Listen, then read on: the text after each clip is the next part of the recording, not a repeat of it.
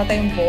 Eh, Akhir-akhir ini kita sering ini ya mendengar banyak cerita eh, event-event olahraga nih yang besar nih levelnya eh, levelnya nasional tanah air gitu berlangsung di Papua. Ini dari bulan apa ya udah ya kita pas tera- yang pertama itu ada PON eh, terus kemudian ada Pekan Paralimpik Nasional atau Papernas gitu. Udah sempet nonton gak nih acara-acara olahraga ini udah? Iya Lis, nonton karena ini menarik. Ini adalah event olahraga offline sejak eh, pandemi. Iya. Jadi jadi PON Papua itu eh, menarik perhatian banyak orang dan di- diselimuti rasa khawatir. Jangan-jangan jadi klaster nih, tapi ya tidak baik-baik saja. Tapi ini menarik. Ini menjadi apa eh, pertaruhan dan berhasil rasanya pemerintah menggelar PON di daerah Papua, di daerah yang tidak baik-baik saja daerah konflik gitu kan. Tapi apa meskipun ada sejumlah kejadian sebelumnya gitu jadi ada pembantaian dan lain-lain itu tapi eh, syukurnya pon pon dan kemudian dilanjuti dengan eh, pekan paralimpik nasional itu berjalan dengan lancar dan banyak melahirkan prestasi olahraga yang baru gitu Iya, iya. Memang ketika mendengar berita-berita soal PON dan eh, Papernas ini agak agak oh enak ya udah dengar berita-berita yang biasanya kita dengar dari Jakarta doang gitu, datangnya dari Papua gitu, berita-berita yang eh, olahraga gitu ya. Karena selama ini kita hanya selalu dengar ada aksi kekerasan, ada penembakan, ada pembunuhan. Eh, Tapi sekarang eh, ya selama sebulan terakhir kita mendapat berita positif, berita olahraga. Oke, kontingen itu menambah emas, kont- Ya. atlet itu memecahkan rekor. Dan ini kabar baik, kabar baik sekali. Udah, eh, boleh cerita gak sih pengalaman ke Papua? Karena aku belum pernah nih ke Papua gitu. Jadi aku tidak pernah melihat langsung keadaannya di sana seperti apa. Eh, udah pernah ke Papua itu ke bagian kota mana aja? Terus boleh Iya. nggak cerita pengalaman? Pernah Lis, rasanya tapi eh, lima atau enam tahun lalu ya itu Ke kota apa udah? Manokwari. Manokwari, Manokwari. Manokwari, ya eh, kotanya tepi pantai bagus banget, tapi kita harus eh, apa ya? Kita harus fair. eh, infrastruktur masih kurang bagus gitu. Kemudian kota yang sederhana sih rasanya, kota yang sederhana. Eh, ya wajar saja karena karena segalanya mahal. Semen itu adalah komoditas langka dan susah dicari di sana. Padahal infrastruktur butuh semen, termasuk juga bahan bakar waktu itu ya. Kemudian ada kebijakan kebijak berbagai kebijakan dari pemerintah gitu. Tapi memang Papua ini harus kita lihat itu menjadikan sebuah anomali. Daerah yang punya freeport, freeport adalah eh, daerah dengan kandungan emas terbesar rasanya di dunia ya. Tapi tapi pada sisi lain hmm, pembangunannya belum apa eh, belum bel- belum sebagaimana sebuah kota atau daerah dengan sumber daya alam yang berlimpah. Dan ini rasanya tantangan pemerintah eh, dari e- or- era lalu dari era-era sebelumnya presiden sebelumnya sampai sekarang dan mungkin sampai ke depannya. Bagaimana membuat eh, keseimbangan gitu loh. Jadi ada ada sumber daya alam yang ditarik yang dikeruk banyak dan dibawa ke Jakarta. Bagaimana agar agar bisa juga kembali dalam bentuk pembangunan gitu. Ini saya tantangan dan dan pemerintah sedang mengerjakan itu. Kita kita harus apresiasi Iya. juga. Meskipun belum optimal gitu. Gitu Lis. Jadi episode kali ini kita bukan yang membahas soal olahraga ya, udah ya, tapi soal laporan Tempo minggu ini memang membahas soal Papua gitu. Karena memang kalau kita semua ingat mungkin ya, karena Presiden Jokowi itu eh, pernah berkomitmen untuk membangun infrastruktur di Papua. Jadi kayak jalan, venue-venue di eh, tempatnya olahraga PON kemarin juga merupakan salah satu realisasinya gitu kan. Tapi yang eh, saya nggak tahu pasti itu nggak tahu kenapa nih akhir-akhir ini kita makin sering juga dengar berita soal kekerasan terjadi di Papua gitu. Jadi kayak apa ya? Pasti selalu ada tuh konflik ya udah antara aparat eh, kita dengan kelompok bersenjata gitu. Dan korbannya juga udah banyak banget gitu. Iya, Lisa. Jadi itu. Jadi apa eh, kalau kita coba-coba survei kecil-kecilan gitu, apa yang kalian tangkap pertama kali ketika mendengar Papua? Satu pasti keterbelakangan. Yang kedua uh, adalah kekerasan. Ini ini sudah sejak dulu, sejak sejak dulu dan dan dan itu terjadi sebetulnya. Kita kita konsentrasi kita di Jakarta memang tidak terlalu uh, tidak terlalu ya informasi apalagi pandemi gitu. Pandemi berbagai akses keterbatasan tapi Papua yang sangat besar di sejumlah pelosoknya masih terjadi kekerasan gitu. Jadi ini terjadi 10 Oktober lalu, Lis. Jadi hmm. di distrik uh, Kiwirok namanya, jadi hmm. Kabupaten Pegunungan Bintang, tak jauh dari perbatasan Papua dan Papua Nugini. Jadi pasukan Tentara Nasional Indonesia menyerang pemukiman penduduk. Hmm. Dari helikopter, roket dilontarkan meski tak meledak. Ada versi lain meledak. Ya. Tak ada yang meninggal, tapi 400 penduduk mengungsi sampai sekarang. Hmm. Ini sebetulnya kalau kita tarik lagi ini sebetulnya aksi eh, tindakan yang respon atas sebelum PON kita masih ingat ada pembakaran fasilitas kesehatan dan eh, penganiayaan berat terhadap tenaga kesehatan. Itu kita masih lihat itu. Jadi eh, seorang perawat bernama Gabriela Melani tewas. Jadi hmm. eh, TNI dan polisi menudung ini pasti kerjaannya Tentara Pembebasan Nasional Papua Barat, Organisasi Papua Merdeka. Ya. Tapi, ya, tapi ternyata Tempo menemukan fakta lain. Uh, insiden pembakaran fasilitas kesehatan merupakan ekses dari persaingan politik lokal hmm. di Papua gitu. Jadi, jadi memang rumit persoalannya, tapi uh, harus selalu kita kita beri perhatian. Hmm Papua Tadi, bagian dari NKRI dan ya. Papua ya. adalah saudara kita. Begitu Lisa. Oke. Nah, memang laporan pekan ini uh, Tempo tuh uh, dari ngambil dari kejadian yang kejadian di Kiwirok ya, udah tadi yang udah barusan cerita itu lokasinya dekat perbatasan dengan Papua Nugini gitu ya. Nah, uh, tadi udah juga udah cerita soal kejadian yang uh, terjadi di Oktober kemarin gitu ya. Tapi aku pengen tanya sih udah kenapa memilih ini sebagai laporan utama karena kan uh, banyak nih kejadian uh, apa ya, apa tindak kekerasan yang terjadi di sana kita dengar banyak banget. Kenapa ya ini jadi laporan utama udah? Ya, satu karena ini adalah kekerasan berulang gitu. Berulang dan berulang sejak dulu. Kita harus adil juga bahwa ini tidak bukan terjadi 10 tahun belakangan saja, tapi sejak era Soeharto Papua itu eh, pada masa itu kadang-kadang kita sebut menjadi ladang pembantaian. Kita kita nggak dengan berbagai tindakan ya tindakan kekerasan yang baik dilakukan oleh aparat kita juga dilakukan oleh apa? Oleh organisasi Papua mereka misalnya. Jadi jadi jadi saling berganti saling berbalasan dan tanpa ada ujung. Ini kabar buruk. Kita kita sudah sepakat bahwa kita itu hmm, Papua bagian dari kita tapi kita kok saling bunuh gitu, saling saling uh, politik kekerasan berlangsung setiap waktu tanpa pernah bisa diprediksi. Saling tembak, saling culik, saling saling bunuh gitu. Jadi jadi ini konsennya bahwa uh, kami sebagai media juga tidak ingin tidak ingin dianggap oh melupakan uh, Papua. Oh, ternyata ini media Jakarta, uh, Jakarta sentris, urusan Jakarta dan daerah-daerah lain saja, sementara di Papua tidak menjadi perhatian. Itu konsennya sebetulnya kenapa hmm. kita menulis lapor utama soal Papua selain karena ada temuan-temuan tadi. Begitu hmm, Lisa.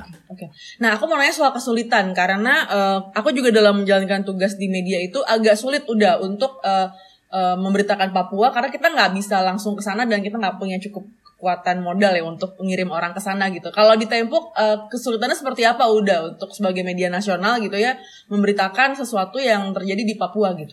Ya, kendalanya Medan ya. Medannya hmm. Papua sangat jauh, kemudian akses ke sana itu uh, berat lah, berat dan dan kondisinya ya, tidak aman kita tidak tahu di sana nanti siapa yang bis, yang menjadi kawan atau lawan gitu. Jadi betul-betul okay. seperti masuk hutan belantara ya. Jadi ini yang yang kendala kami selain juga misalnya beberapa waktu lalu juga ada hambatan jurnalis masuk ke sana, khususnya jurnalis asing. Tapi eh, belakangan tidak alhamdulillah.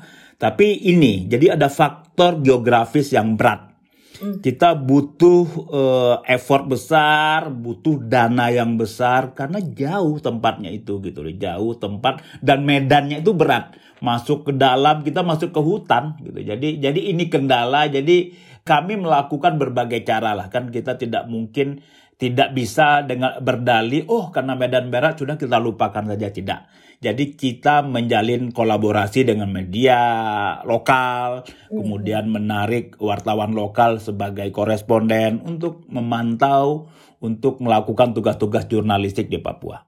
Oke. Nah, ketika memberitakan Papua ini nih paling penting. Uh, sensor de dari pemerintah nih uh, ada nggak udah? Soalnya kan kalau misalnya jurnalis asing tuh itu nggak boleh ya, sangat hmm. sangat ketat gitu ya. Karena saya juga banyak berteman dengan mereka pasti berkoar-koar soal susahnya masuk ke Indonesia, terutama ke Papua gitu. Nah, kalau itu gimana udah soal sensor? Iya, ah, ya, ya, tidak ada sensor list. Jadi kita masih aman, masih bebas menulis Karena apa saja ini ya, Uh, lokal ya udah. Ya, lokal ya, mungkin ya. Jadi uh, kita bisa meliput apa saja di sana. Tapi tentu dengan berbagai kendala ya kendala kekhawatiran ada serangan kekhawatiran jadi korban salah sasaran gitu. Jadi jadi ada kendala-kendala itu tapi sensor tidak ada. Jadi uh, kita bisa meliput apa saja menulis apa saja soal Papua.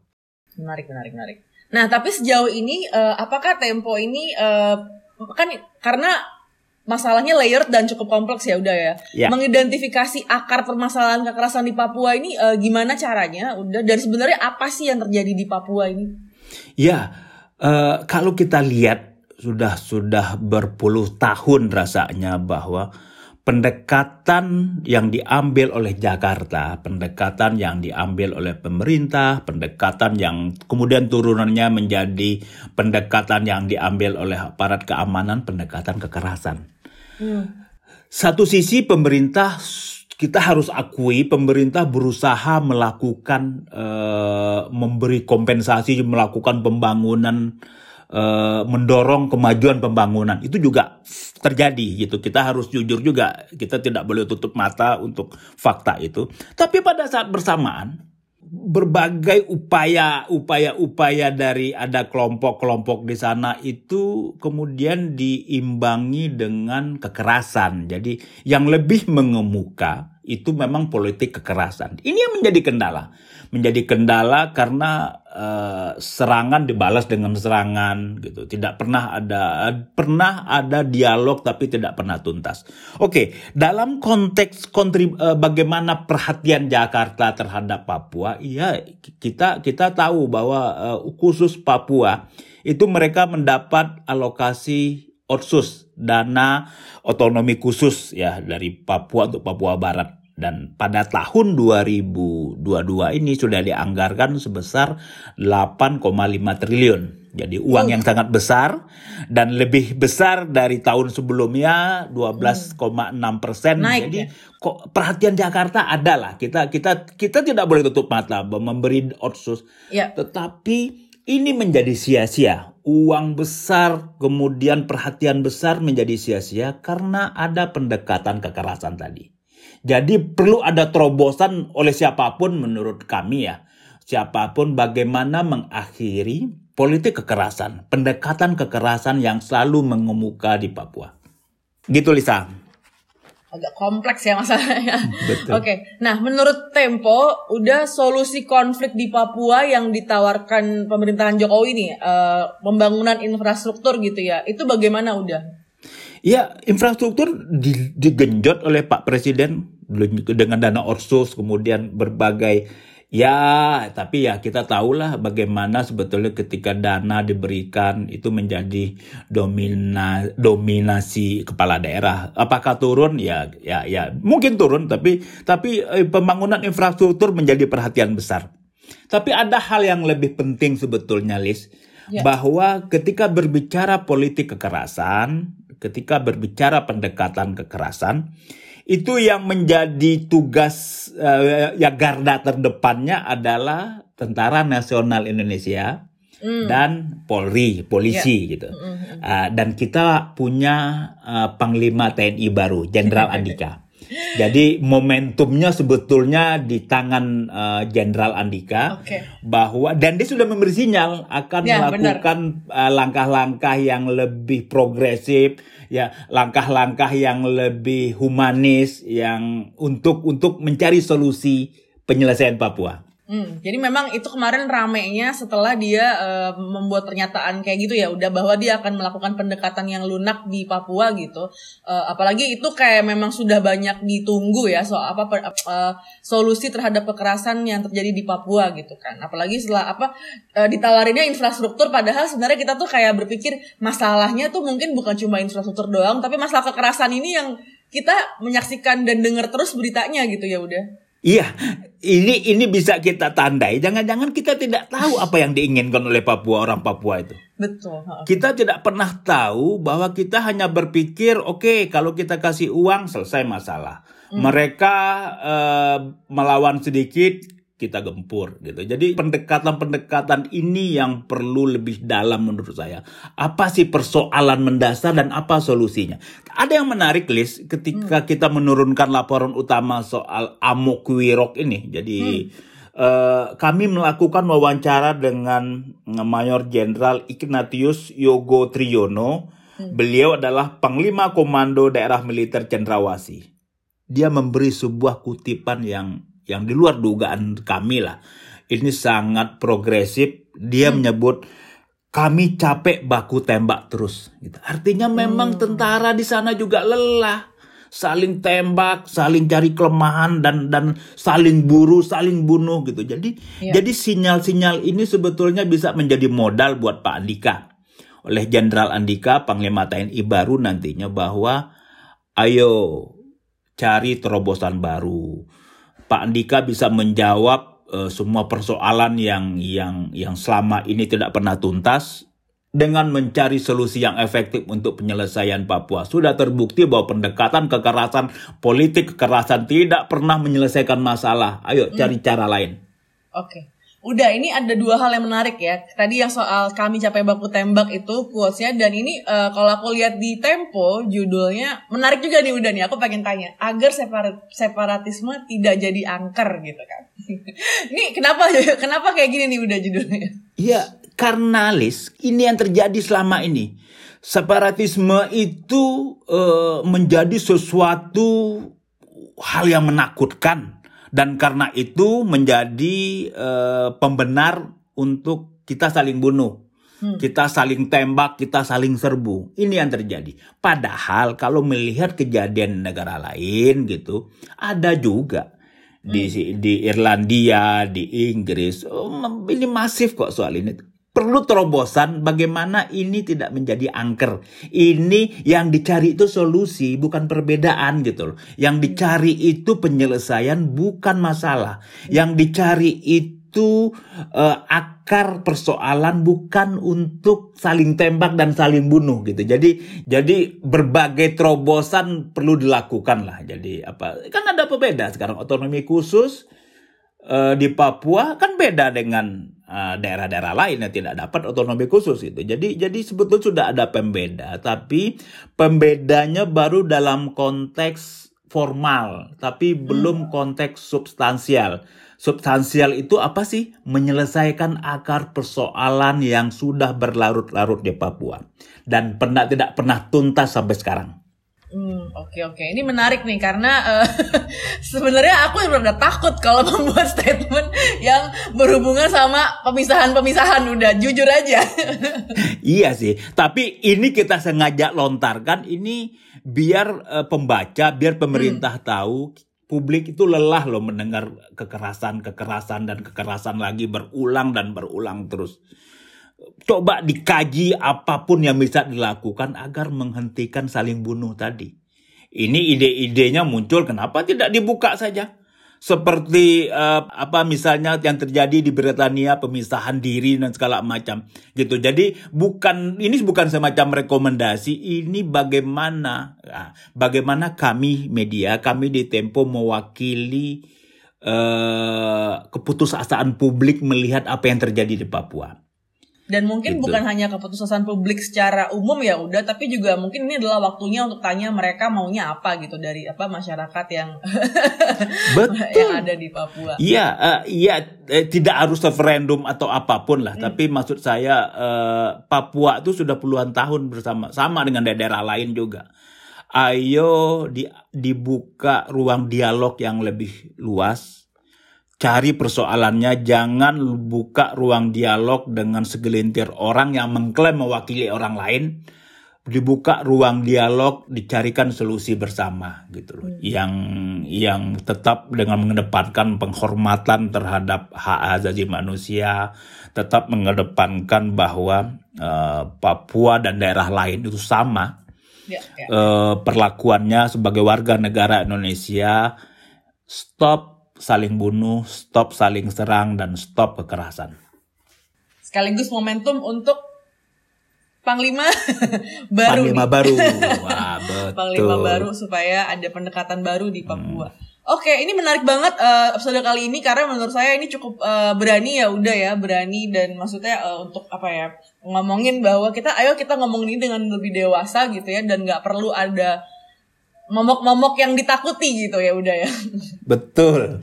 Sudah capek, Lis. Kita Lelah. kita lelah, kita sok-sokan tapi kita saling bantai di bawah. Udahlah, ayo kita lebih terbuka saja berbicara apa solusi terbaik.